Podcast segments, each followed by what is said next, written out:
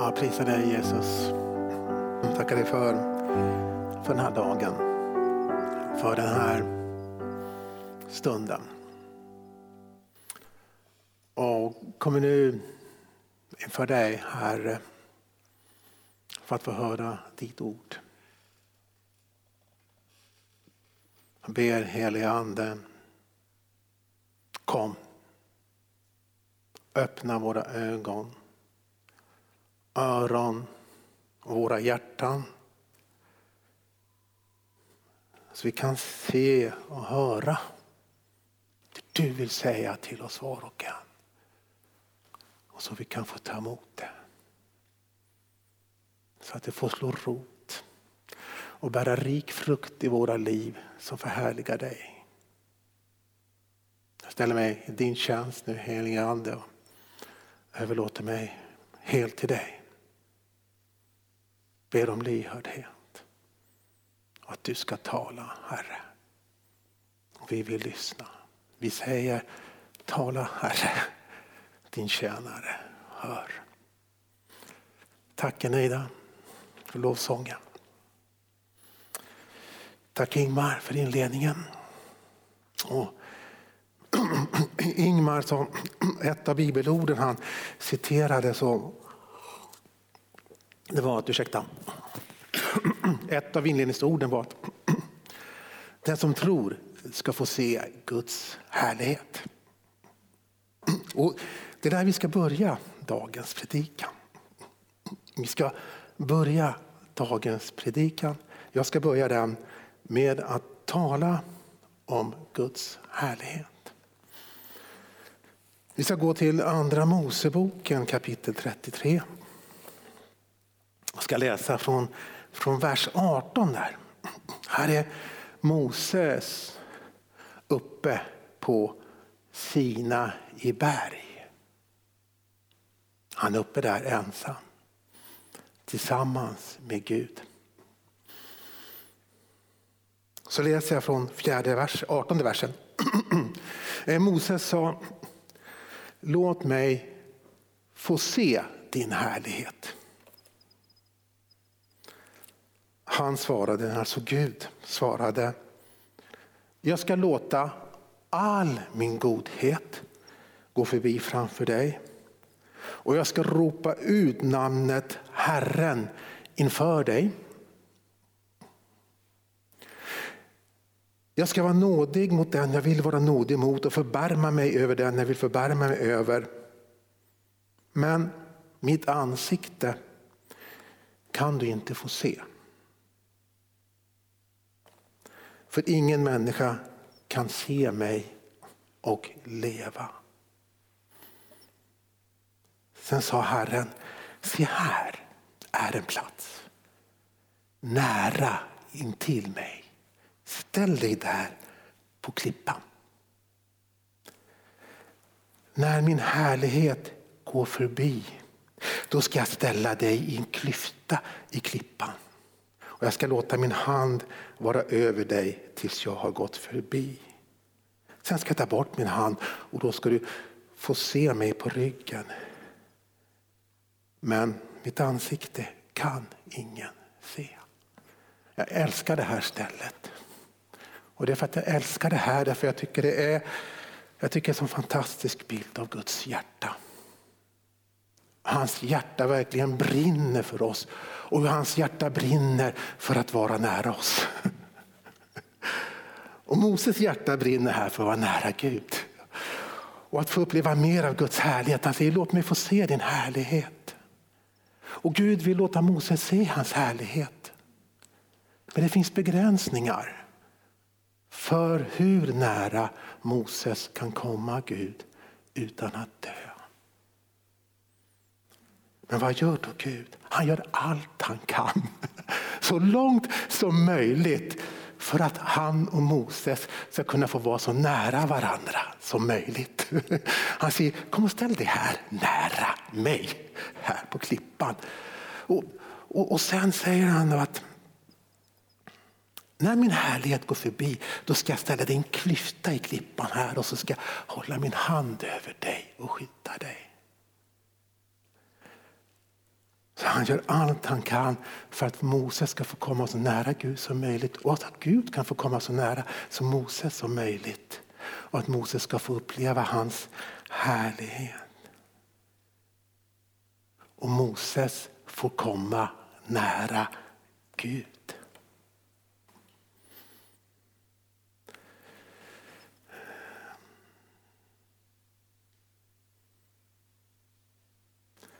Sen följer en liten text här där, där Mose säger åt Herren säger åt Moses att gå ner och hugga ut två stentavlor. Det är så att den här händelsen är ju efter det att Moses först har varit uppe hos Gud en gång och fått de tio budorden på två stentavlor. Men sen gått ner och till sin besvikelse och frustration sett hur folket har gjort sin avgud av guldkalv som de tillber. Då blev Moses så desperat och arg så att han slog sönder de där tavlorna. Nu säger Gud åt Mose att om du går ner och hugger ut två tavlor till så ska jag skriva ner buden åt dig igen.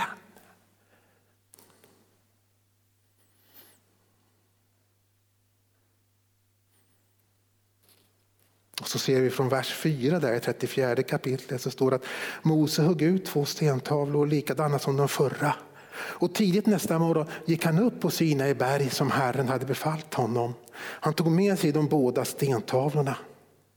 Då steg Herren ner i månsken och ställde sig där nära intill honom och ropade ut Herrens namn. Och Herren gick hon förbi honom där han stod och ropade Herren, Herren, en barmhärtig och nådig Gud, sen till vrede och stor i nåd och sanning.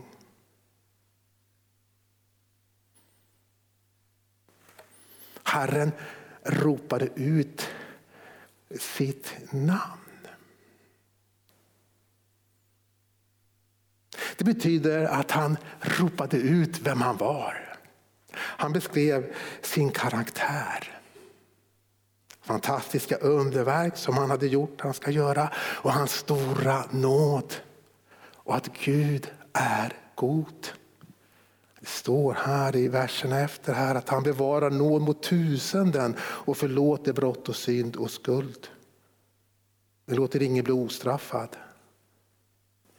Utan låter straffet för fädernas missgärning drabba barn och barnbarn till tredje och fjärde led. Men det sa att han, först att han bevarar nåd mot tusenden. Och tusenden är klart mycket mer än tre och fyra. Men Gud är den han är. Och Gud och synd går inte ihop. Och synden måste ha en konsekvens.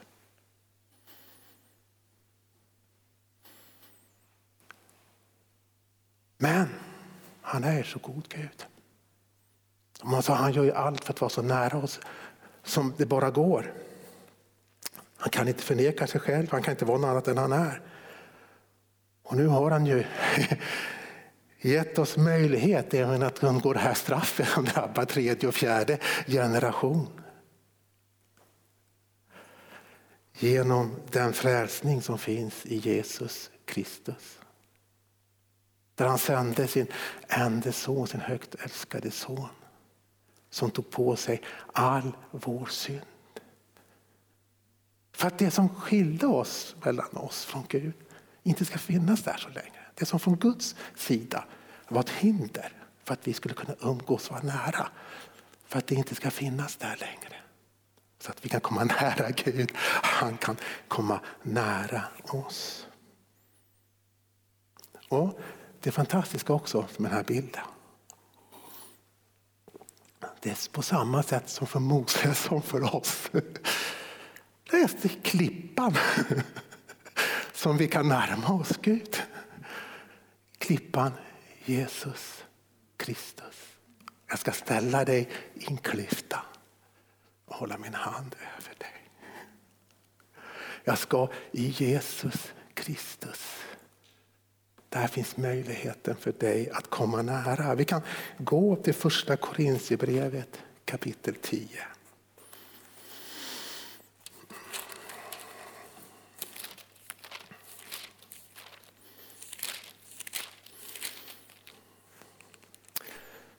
så står så här från första versen. Bröder, jag vill att ni ska veta att alla våra fäder var under månskyn och att alla gick genom havet. Alla blev de döpta i månskyn och havet till gemenskap med Mose. Alla åt de samma andliga mat. Alla drack de samma andliga dryck. De drack ur en andlig klippa som följde dem och den klippan var Kristus.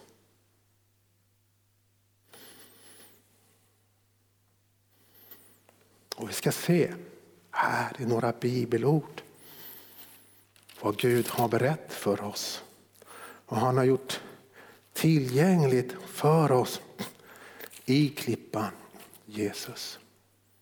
Vi går till Romarbrevet. Här är bara några exempel. Men i Romarbrevet kapitel 8, första versen. Lyssna. Så finns nu ingen fördömelse för dem som är i Jesus Kristus. Ingen fördömelse. Halleluja! Ja, när vi har tagit emot Jesus. Det finns ingen fördömelse. Det, det, det finns ingenting kvar att straffa oss för.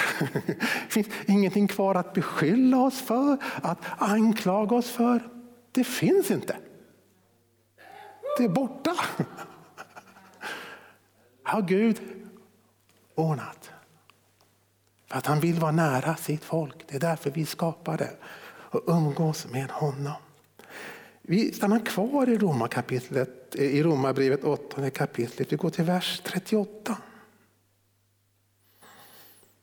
För jag är viss om att varken död eller liv, varken, jag läser från vers 37 faktiskt. Men i allt detta vinner vi en överväldigande seger genom honom som har älskat oss. För jag är viss om att varken död eller liv, varken änglar eller furstar, varken något som nu är eller något som ska komma, varken makter, höjd eller djup eller något annat skapat ska kunna skilja oss från Guds kärlek i Kristus Jesus, vår Herre. Så förstår att ingen fördömelse finns. Och sen så står det här att det jag har gett dig i Jesus Kristus, står det här. Det finns det ingenting som kan stjäla. Det finns det ingenting som kan ta bort. Här är ditt. Jag har gett det till dig. Det är ditt för evigt.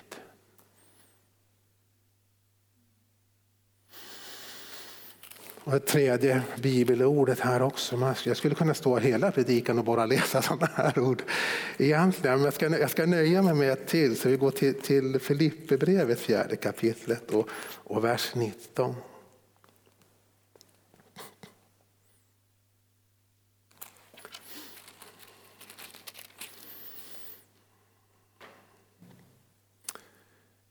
Så ska Gud, min Gud, efter sin rikedom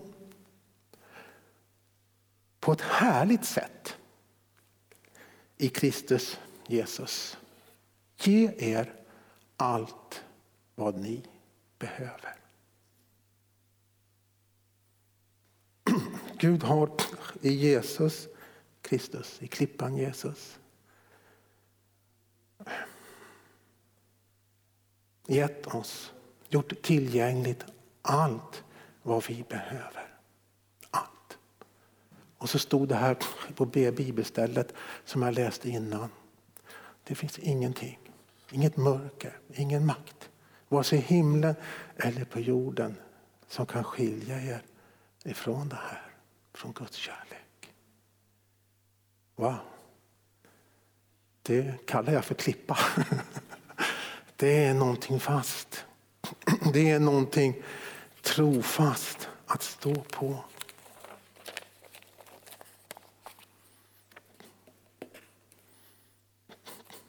Herre Gud har löst till oss genom Jesus Kristus.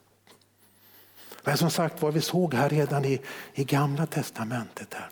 före Jesus försoningsoffer, hur Guds hjärta verkligen brann. Och då var inte tiden inne ännu för Jesus. Men han gjorde ändå allt han kunde för att vara nära sitt folk. Och Det sätt som han gjorde det på då, då kan vi se här i andra Mosebok 25 kapitlet. Och som var en, var en förebild för det vi skulle få tillgång till i Jesus Kristus. Så står det där i andra Mosebok 25 kapitlet, vers 8. Så säger han till Mose, de ska göra en helgedom åt mig så att jag kan bo mitt ibland dem. De ska göra en helgedom åt mig så att jag kan bo mitt ibland dem. Tabernaklet med alla dess tillbehör ska ni göra helt enligt de mönsterbilder som jag visar dig. Så kommer lång instruktion för det här tabernaklet ska bygga. Tabernaklet, en plats där Gud kunde komma för att möta sitt folk, Israels barn. Det här tabernaklet bestod av tre särskilda rum. Ytterst var det en gård, omgärdad gård då, som också kallas för förgården.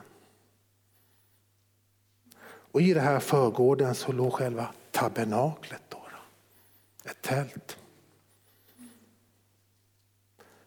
Och som hade ett förhänge fungerar fungerade som en dörr till det främre rummet, det heliga. Och sen fanns där bakom förhänget ytterligare ett rum, det innersta rummet.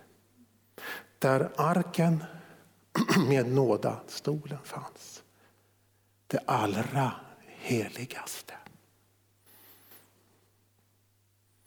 Det var i sig faktiskt en helt fantastisk konstruktion. Men som hade sina begränsningar.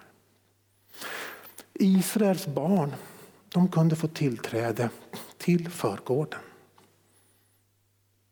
Men de måste medföra ett offer. Prästerna de hade tillgång till det här första rummet, det heliga. Men de skulle också frambära ett offer på sin, för sin skuld på symboliskt sätt. Och de skulle gå igenom en ordentlig tvagningsprocess innan de fick gå in där. Och sen har vi då det innersta rummet, det allra heligaste. Dit var det bara översteprästen som hade tillträde. En gång om året. Endast en gång om året. Men nu har vi alltså fått tillgång till någonting som är mycket, mycket bättre. Jag börjar med att beskriva det här med att Matteus 27, vers 50. Vad som händer när Jesus dör på korset. Just i den stund han ger upp andan. Ursäkta. Men Jesus ropade en gång med hög röst och gav sen upp andan. Då brast förhänget i templet i två delar. Uppifrån och ända ner. Jorden skakade, klipporna rämnade, gravarna öppnades och många lidna heliga fick liv i sina kroppar. Då brast förhänget i templet i två delar, uppifrån och ner. Och det här förhänget det var inget litet draperi. Det var inget tunt draperi. Det var om man förstått rätt flera locktjocka lager djurhudar. Det var ingenting man bara rev isär. Men när Jesus gav upp andan på korset då brast det här förhänget i templet. I det ögonblicket raserades allt hinder. Allting som stod emellan oss och Gud för att vi skulle kunna få tillträde till det allra heligaste med Gud. Det som tidigare bara översteprästen hade tillgång till en gång om året. Och där det var så att när han gick in dit, man, man kunde inte vara riktigt säker på Alltså hade han gjort alla ritualer helt rätt och så, så att han skulle överleva. Det fanns ju faktiskt en liten risk att han skulle kunna dö där inne.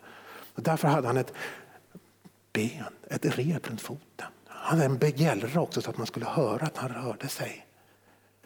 För att om det tystnade så skulle man kunna dra ut honom. För man vågade inte gå in. Ingen annan vågade gå in där. För då visste de att de skulle dö. Men nu när Jesus stod på korset, alla hinder raserades. Och vi kan läsa det här i Hebreerbrevet kapitel 9, verserna 11 till 12. Där står det att men nu har Kristus kommit som överstepräst för det goda som vi äger. Genom det större och fullkomligare tabernaklet som inte är gjort med händer, det vill säga som inte tillhör den här skapelsen, gick han en gång för alla in i det allra heligaste. Inte med bockars och kalvars blod, utan med sitt eget blod och vann en evig lösning.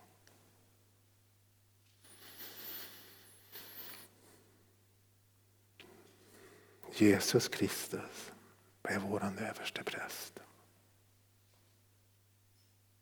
Genom det större och fullkomliga tabernaklet. En gång för alla gick han in i det allra heligaste. Så en gång för alla har han försonat oss med Gud. Hebreerbrevet, samma kapitel i vers 9, då, i vers 15 som står Därför är Kristus medlare för ett nytt förbund. För att de kallade, kallade, det är vi, det är du som tittar på det här. Skulle få det utlovade eviga arvet. Sen han genom sin död hade friköpt oss från överträdelserna under det första förbundet. Alltså det är Guds ord som står här, det är inte mina ord. Därför kan vi lita på dem. Och Hebreerbrevet 10 kapitel 18-20 bara för än en gång bara understryka det här vad vi har fått. Där det står att där synderna är förlåtna behövs det inte längre något syndoffer. Ja, det behövs inte längre något syndoffer. Vi kan komma till Gud utan att stå där och skrama med foten och ja Gud du vet ju hur jag är. Nej. Ja jag vet vem du är säger Gud. Jag är Guds barn, min arvinge. Sträck på dig och kom. Därför att det står att synderna är förlåtna behövs inte längre något syndoffer. Bröder, i kraft av Jesu blod kan vi nu frimodigt gå in i det allra heligaste. Frimodigt, utan några rädslor. På den nya och levande väg som han har öppnat för oss genom förlåten, det vill säga sitt kött. Den nya och levande väg. Det låter lite spännande. kommer, kommer nog återkomma till det sen. Mm. Och visst är det underbart att vara i Guds närvaro. uppleva hur hans härlighet. Sänker sig ner. Bara ligga, sitta och njuta av den. Och det ska vi göra. Det är vi kallade att göra. Och Det är en förutsättning för att vi ska kunna ha en levande kärleksrelation med Jesus. Så att han ska kunna bli synlig i våra liv så vi kan lysa som den här lampan i mörkret som Ingmar pratade om. Det är att vi har, vi bär på Guds härlighet. Vi behöver komma in i hans härlighet och, och bara vara i Guds närvaro. Låt oss förvandlas av den se vem han är, se vilka vi är i hans ögon, höra vad som ligger på hans hjärta. Vi är kallade att gå in i det allra heligaste och låta oss förvandlas av hans härlighet. Det är den första delen av min predikan här ikväll. Men en fråga. Är det nog? Är det nog för ett tillfredsställande och lyckligt och lyckligt liv? Är det nog för ett tillfredsställande och lyckligt liv? Och för att svara på den frågan ska vi gå tillbaka till Moseböckerna. Vi ska gå till första Mosebok och till berättelsen om Noa. Vi går till första Mosebok, sjätte kapitlet och vers 9. Där kan vi läsa Detta är Noas fortsatta historia. Noa var en rättfärdig man och fullkomlig bland sina samtida. Han vandrade med Gud.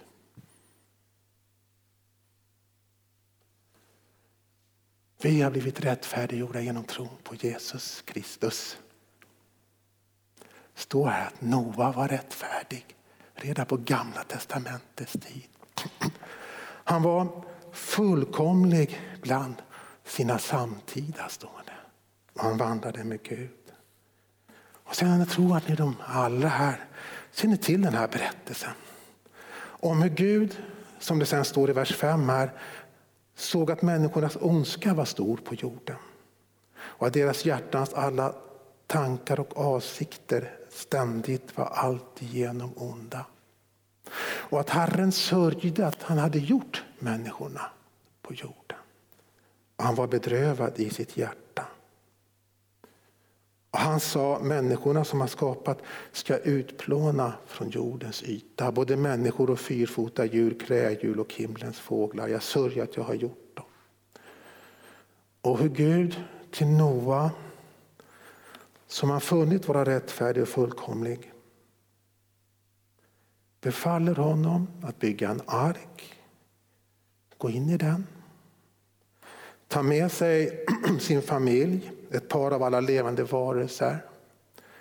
Plus all slags föda som kan ätas för att de skulle få överleva. Och hur Gud sen låter det regna över jorden i 40 dagar, 40 nätter. Allt levande på jorden dog. Förutom Noa och hans familj och alla de djur som han hade med sig i arken. De överlevde.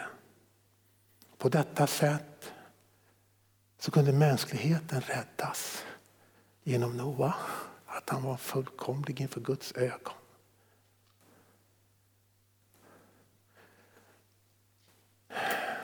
Det är ingen liten sak. Och Det står också sen vattnet hade, sen hade slutat regna.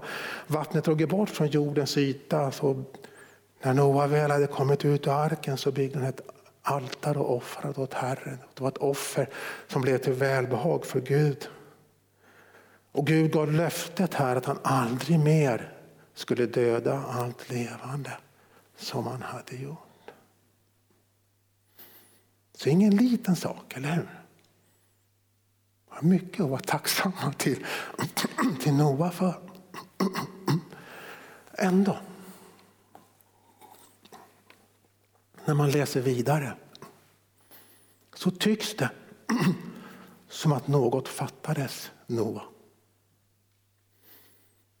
När man läser vidare vad som sen hände. Det ser inte ut som att han levde ett lyckligt och tillfredsställande liv. Jag tänker på det som står i Första Mosebok kapitel 9, vers 20. Det står att Noa var jordbrukare och den första som anlade en vingård. Men när han drack av vinet blev han berusad och låg blottad i sitt tält. Ham, Kanans far, såg sin far naken och berättade det för sina båda bröder som var utanför tältet. Men Sem och Jaffet tog en mantel och lade den på sina axlar gick baklänges in och täckte den över sin fars nakna kropp. De vände bort ansiktet så att de inte såg sin fars nakenhet. Jag vill inte alls kasta någon skugga över Noa så, det är inte alls det som är syftet med den här predikan. Men vi ser här alltså att dricka sig så berusad att barnen skäms över honom och måste skylla över hans nakenhet. Det är inte ett direkt tecken på att han mår bra. Jag kan inte läsa.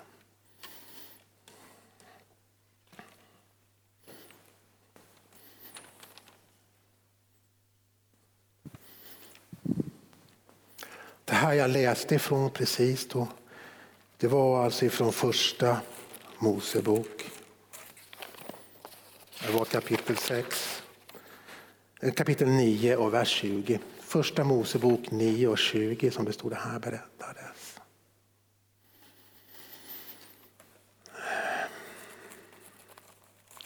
En annan indikation också vad som står eller vad som inte står i samband med att Noa dör.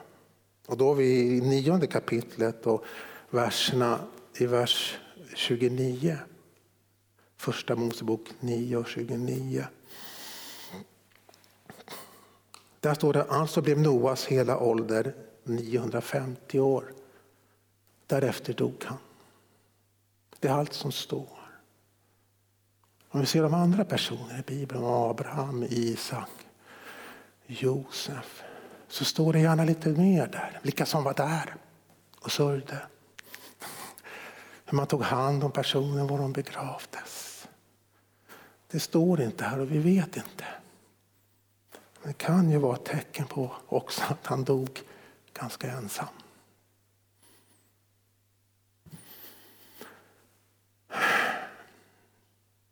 Vad var det som hade hänt?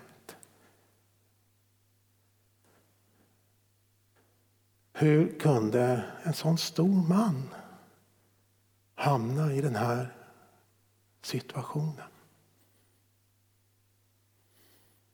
Ibland när människor pratar, tar upp, pratar om den här berättelsen om Noaks ark så säger de att men Noa han byggde den här arken trots att andra skrattade åt honom.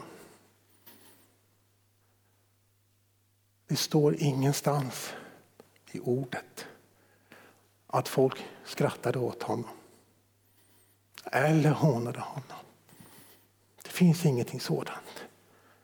Och jag tror att det här, just det här, kan vara det som var det som felades. Det var ingen som skrattade åt Noa. För det var ingen som visste vad han gjorde.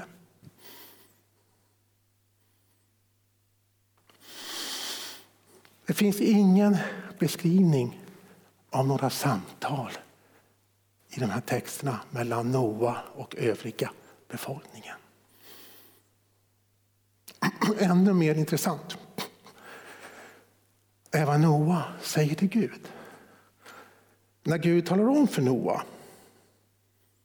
att han beslutat att göra slut på allt levande för att jorden är full av våld på grund av dem.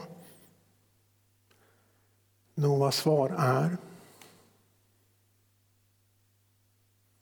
ingenting. Tystnad.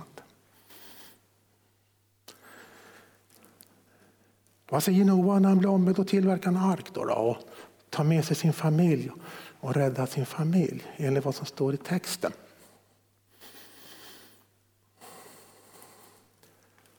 Ingenting. Det står ingenting om det. Och vad säger Noa när regnet börjar falla? Enligt texten. Ingenting. Tystnad. Under hela den här händelseutvecklingen finns det inte rapporterat att Noa säger ett enda ord. Däremot så kan vi läsa fyra gånger. Som exempelvis i kapitel 6, vers 22. Så står det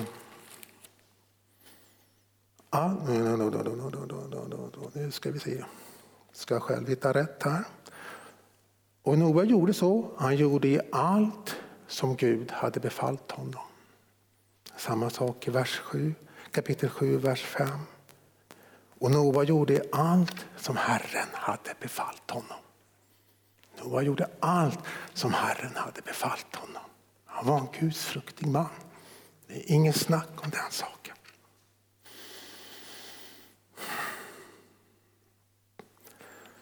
Man kan läsa också vers 7, 9, kapitel, verserna 9 och 16 här kapitel 7. Så står det samma sak. Noa gjorde allt som Gud hade befallt honom. Gud befallde och Noa gick och gjorde som Gud hade befallt. Vad den här berättelsen talar om för oss och som jag tycker är så högaktuellt. Så än en gång, ingen skam över Noa. Absolut inte. Men det här budskapet här är lydnad är inte allt. Va? Vad är det jag säger? Är inte lydnad trons högsta dygd?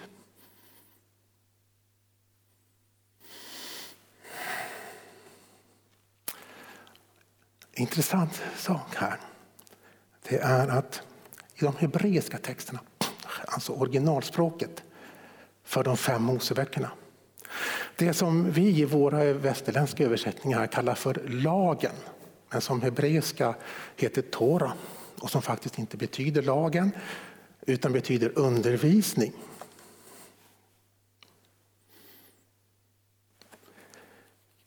Det är så att trots att det är här i Tora, i de fem Moseböckerna finns 613 bud.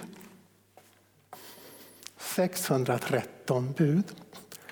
Så finns det i den hebreiska texten inget ord i den hebreiska grundtexten. Inget, inte ett enda ord som betyder lydnad.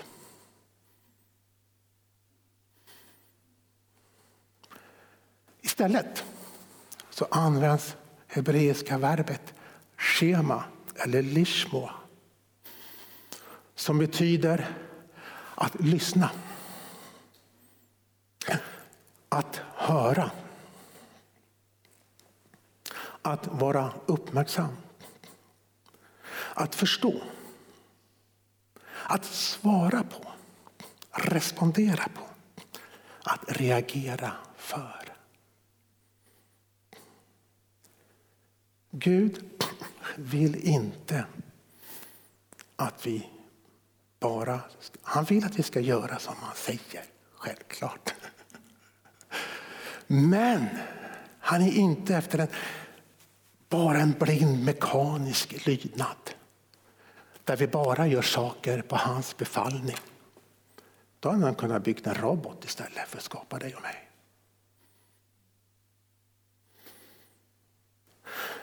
Han söker något annat hos oss. Också. Också. Också. Något högre. Att vi i kärlek tar ansvar för andra människor. Vi kan jämföra Noas reaktion när Gud sa att han skulle förgöra mänskligheten. Med Abrahams. när Gud sa att han skulle förstöra en stad. Vi går till första Mosebok kapitel 18. Första Mosebok kapitel 18 och vers 16.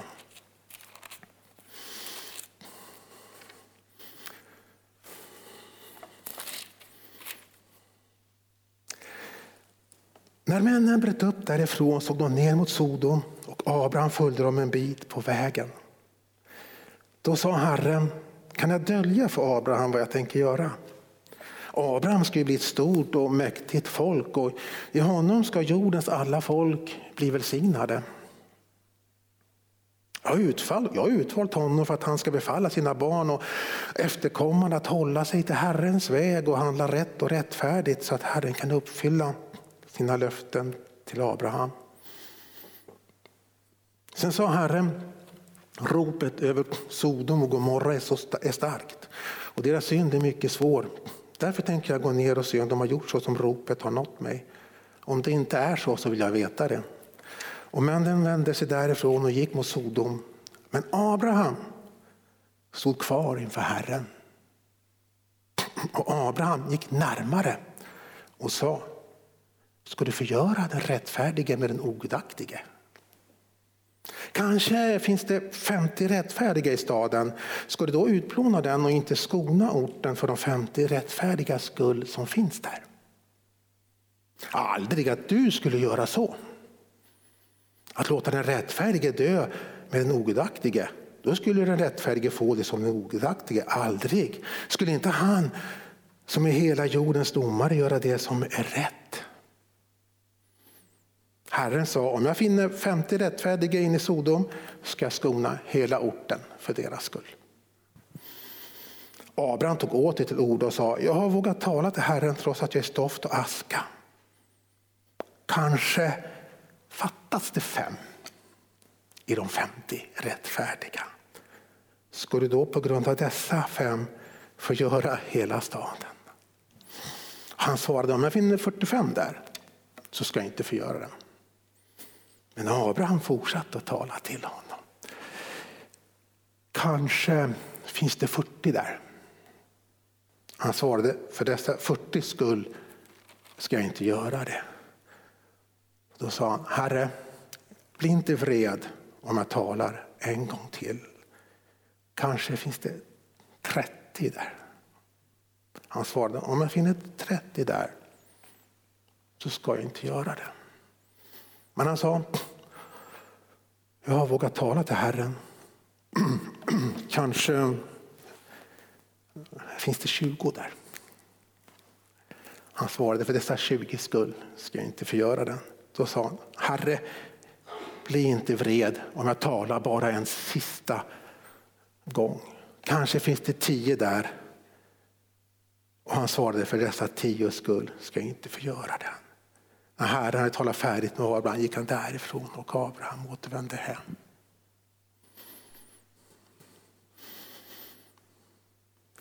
Den situation jag läste om inledningsvis med Mose, jag ska inte ta upp det här nu för att tiden går här i predikan. Men det Moses gjorde där sen han kom upp efter att han hade varit nere och sett folket hade skapat den här avgudabilden, guldkalven. Det var alltså han på ett liknande sätt som Abraham. Ni kan läsa om det här i Andra Moseboken kapitel 2 och kapitel 33. Förhandlade med Gud för folkets skull. Och vi ska läsa eh, vi ska läsa ett, en vers faktiskt, Andra Mosebok 31 och 32. Där står att, jag ska bara gå till rätt Mosebok här. Det är lite bättre.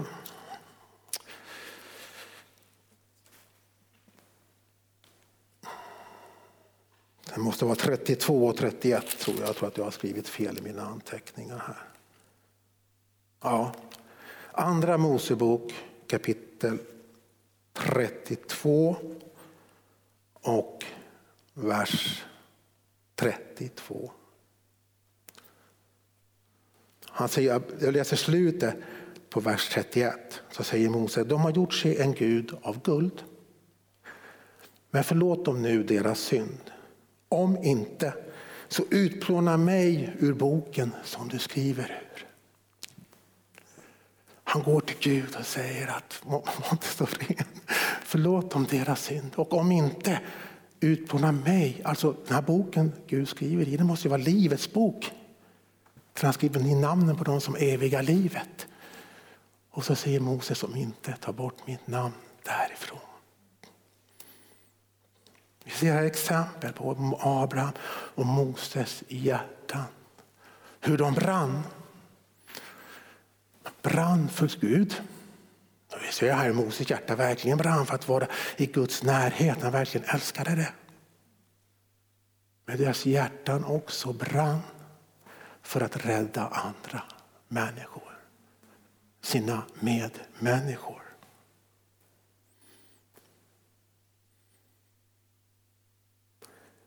Och det är sådana hjärtan som Gud letar efter här idag.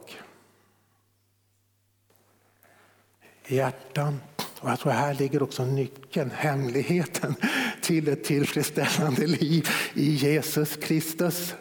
Vi ska gå in i härligheten, vi ska njuta där vi ligger, ligger där i Jesu armar. Men vi ska också vara villiga här att gå ut, ta risker för att rädda andra. Och som Abraham och Moses här kanske till och med för att kanske till och med våga utmana Gud. När det gäller våra medmänniskor. Och jag hör vad som ligger till grunden för min predikan här idag, att jag hör hur Gud kallar oss in i det allra heligaste. Men han också säger till oss som personer, som församling, kom ut.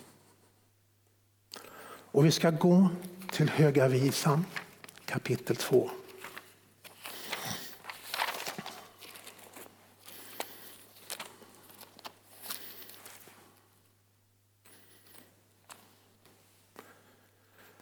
Jag läser där från vers 3. Det är bruden som säger, bruden, Jesus församling, du och jag.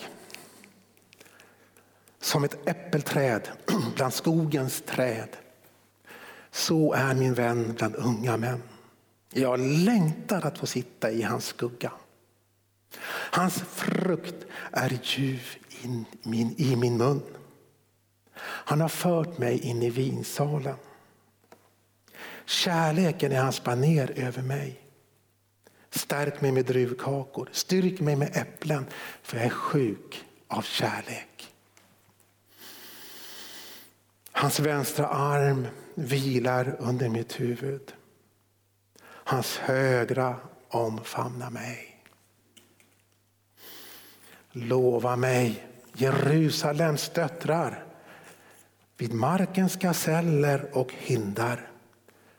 Stör inte kärleken. Väck den inte förrän den själv vill. Jag tror ni kan se bilden här när vi är inne i det allra heligaste. Guds vänstra hand under oss, högra armen om oss. Han har fört mig in i vinsalen. Kärleken är hans baner över mig. Sen fortsätter jag och läser nästa vers.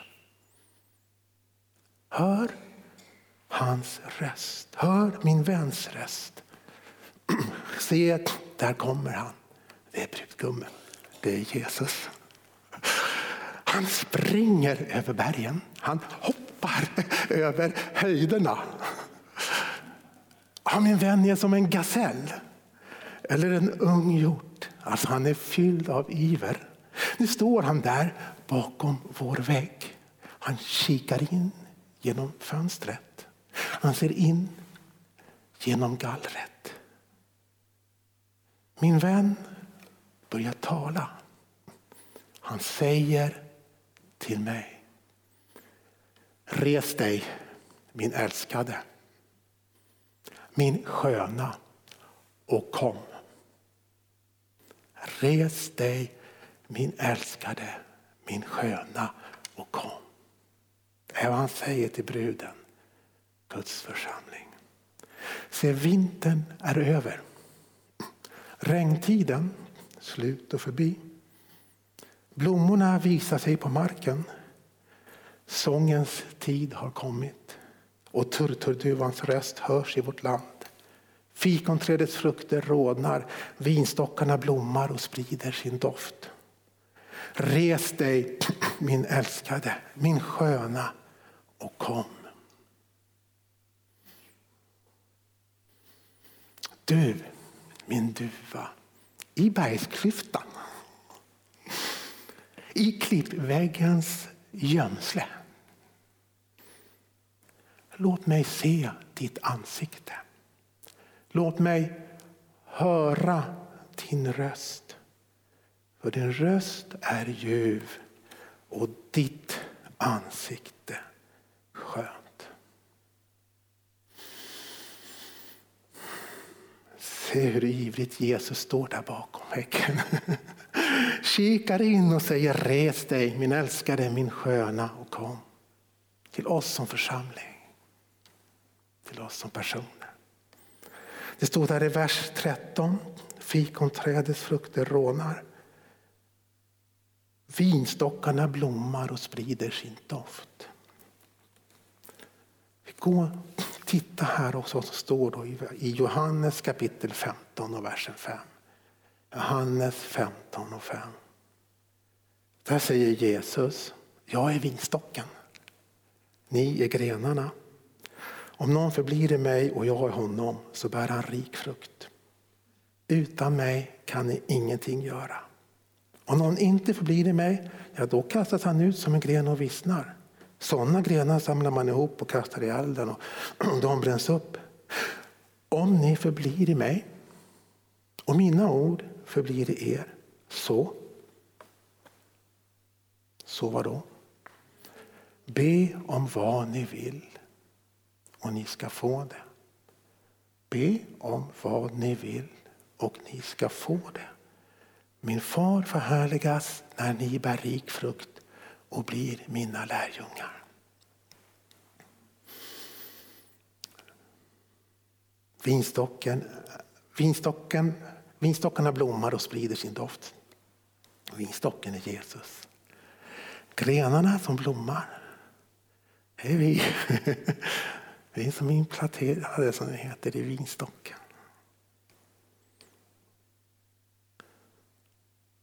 Och i vers 15, jag läste till och med vers 14 här från Höga Visan kapitel 2.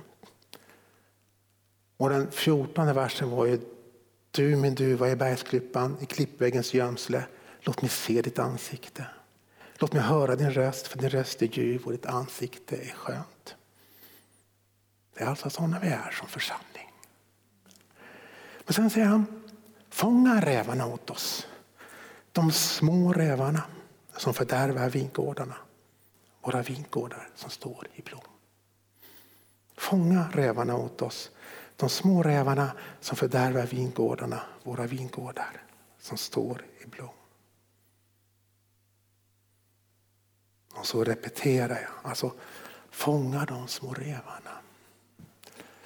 Gör någonting åt de här som kommer och stjäl och förstör.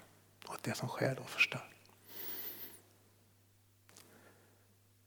Och så repeterar jag det som jag läste från Johannes 15 och 5. Att om ni förblir i mig och mina ord förblir i er så be om vad ni vill och ni ska få det.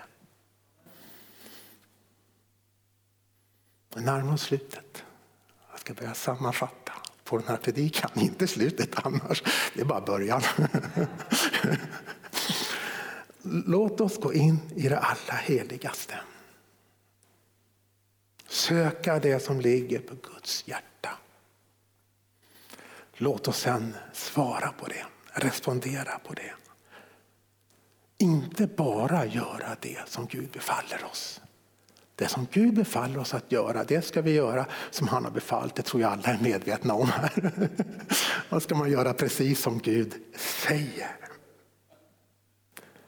Men låt oss också vara frimodiga.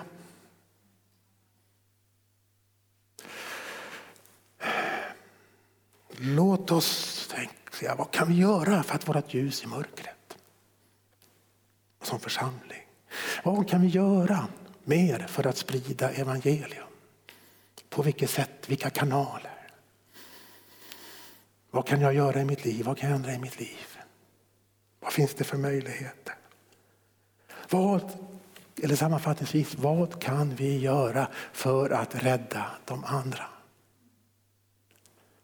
De som ännu inte har fått evangeliet uppenbarat för sig och som tagit emot det.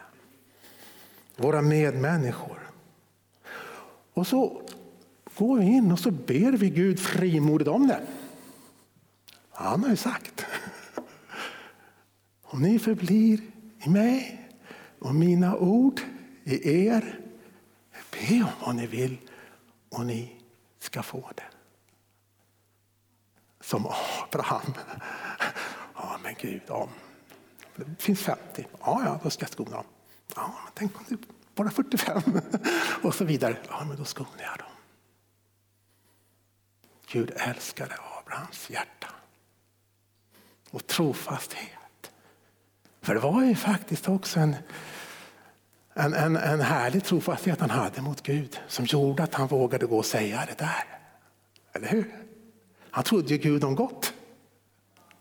Hade han inte trott att det hade funnits en möjlighet att rädda sig frågan om han hade sagt någonting och gått fram. Eller hur? Så låt oss som Rania Sajek profeterade och predikade när hon var här på Mirakelfestivalen.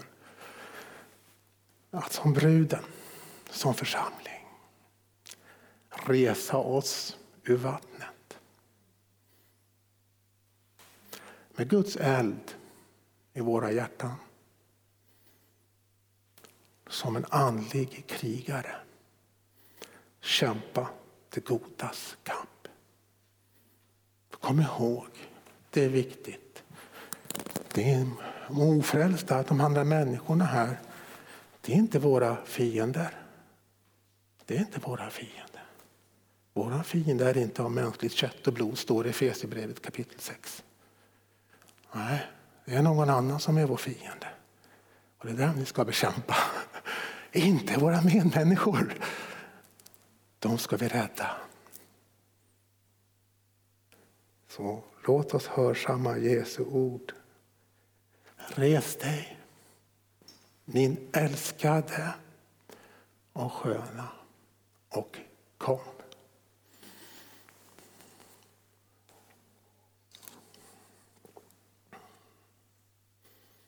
Amen.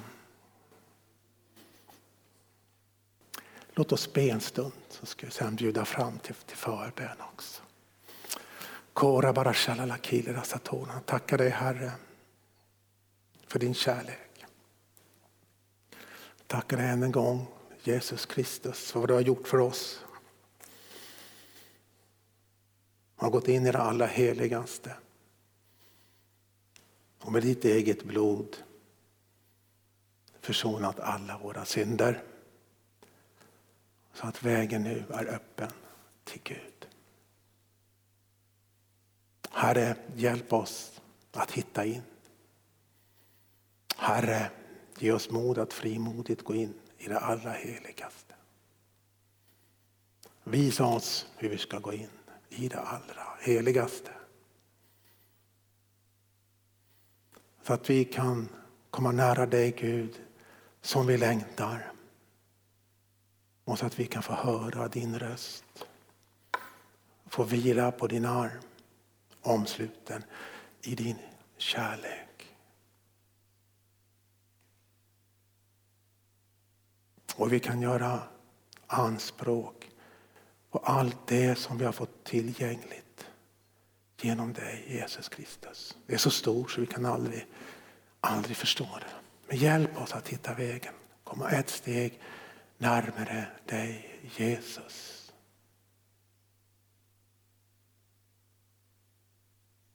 Och hjälp oss också Herre att hörsamma din röst. Att inte bara passivt sitta här och hålla detta för oss själva. Utan att hörsamma din röst när du nu kallar oss Herre. Där du säger kom.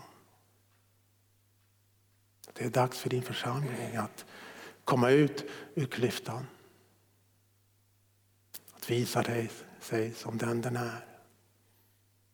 Stiga upp ur vattnet, kronan på huvudet. Och det är en brinnande eld i våra hjärtan. Brinnande för dig Jesus Kristus och för våra medmänniskor. Och tack Jesus för att ditt hjärta brinner också för alla som är här.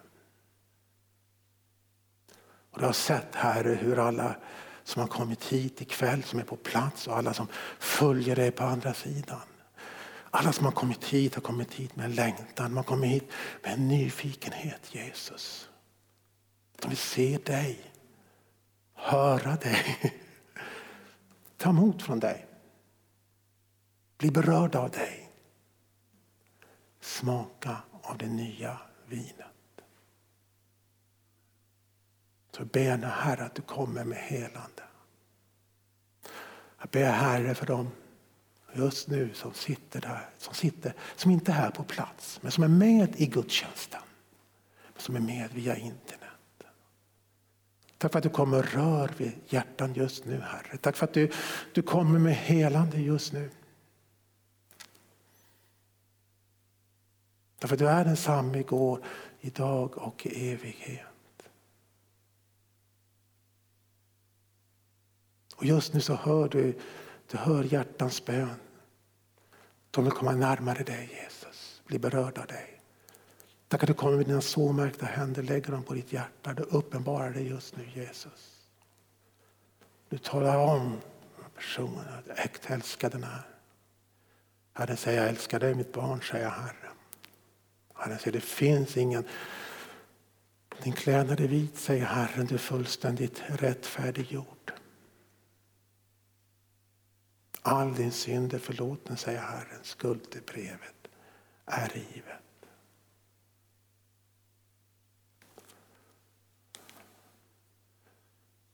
Och du som följer den här gudstjänsten och som har hört Gud tala och som hör Guds röst nu.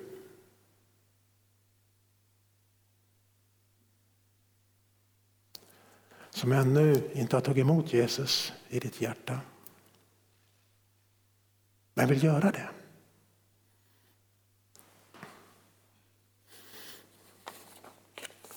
Ja, precis som jag har predikat. Det finns ingenting som hindrar det.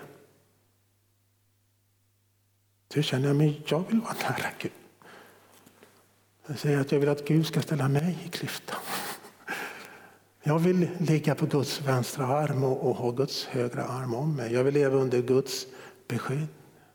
Jag vill ha det här i livet som det pratas om. Det är tillgängligt för dig. Därför att Jesus har gjort allt som behövs. Han har försonat dig med Gud. Gud har ingenting som han håller emot dig längre. Vad ska jag göra då? Ska jag tro att Jesus är Guds son. Att Jesus är den han säger att han är. Vägen, sanningen och livet. Och bara be Jesus komma in i ditt hjärta. Så allt du behöver göra för att det här ska bli ditt här och nu. Du kan be tillsammans med mig.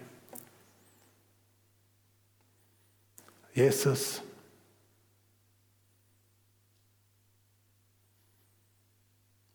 jag vill tro på dig. Jag tror på dig. Jag vill leva tillsammans med dig. Jag vill bli din lärjunge. Jag vill att du flyttar in i mitt hjärta. Så jag ber dig Jesus om förlåtelse.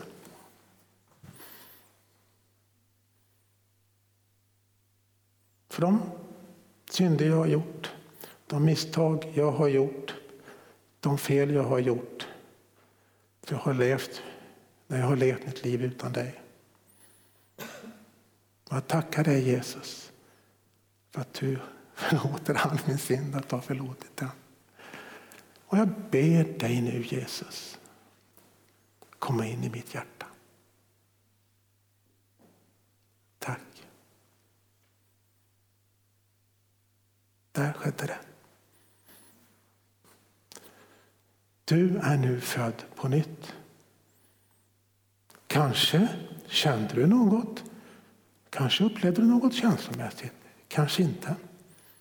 Oavsett, när du bad den här bönen så flyttade Jesus in i ditt hjärta.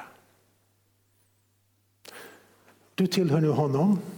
Du har nu rätten att kalla dig för Guds barn. Och du har evigt liv. Du har evigt liv. Du har blivit, som det står i Bibeln, född på nytt.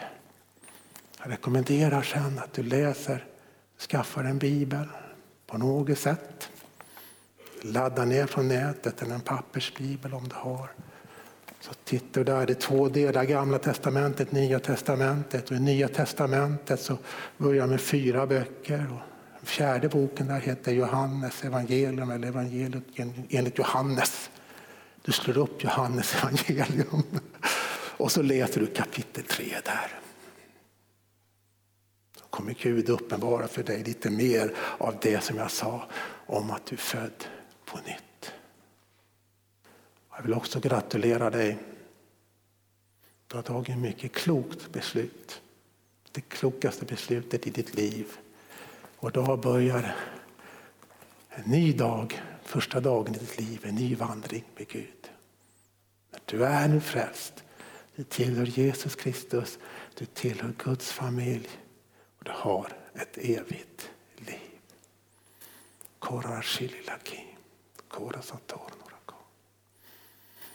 Amen. Gör nu så att ta bort den här bara så det blir lite plats här.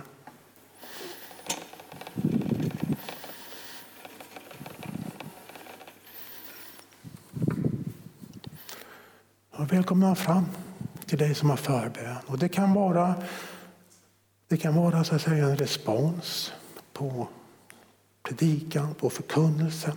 Någonting som du vill ha hjälp med i samband med det, att förverkliga det i ditt liv.